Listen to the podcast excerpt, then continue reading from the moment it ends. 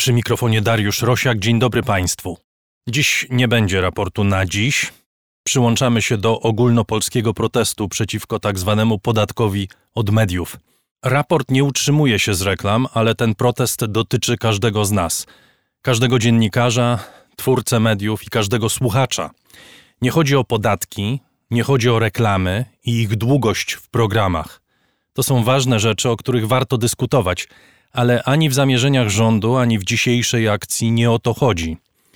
Chodzi o to, czy media komercyjne zostaną sferą niezależną wobec władzy, czy też zostaną przez nią osłabione w stopniu uniemożliwiającym im funkcjonowanie na rynku.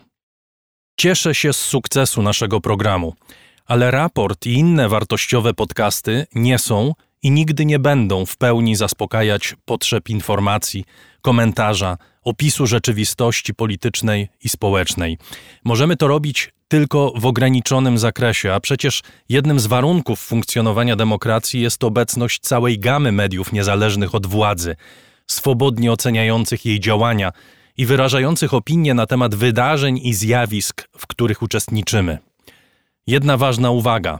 Moim zdaniem media społecznościowe nie wystarczą bo nie stanowią one platformy wiarygodnej debaty publicznej, tylko są miejscem, w którym nasze emocje, zwykle złe, i tożsamość sprzedawane są w formie produktu reklamodawcom.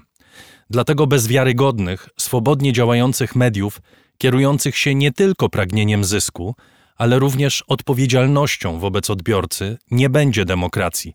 Ustroju, który ma rozliczne wady, ale jedną zaletę lepszego do dyspozycji nie mamy. Nie miejmy złudzeń. Wielkie giganty internetowe skutecznie obronią się przed podatkami. Od powstania nic innego nie robią. Stracą media, które i tak są słabe.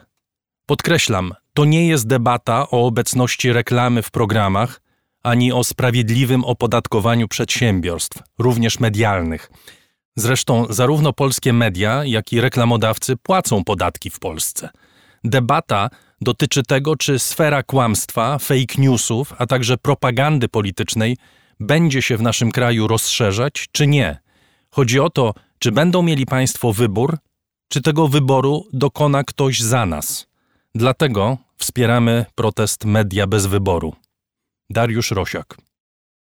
Do usłyszenia. Raport na dziś będzie dla Państwa dostępny w czwartek rano.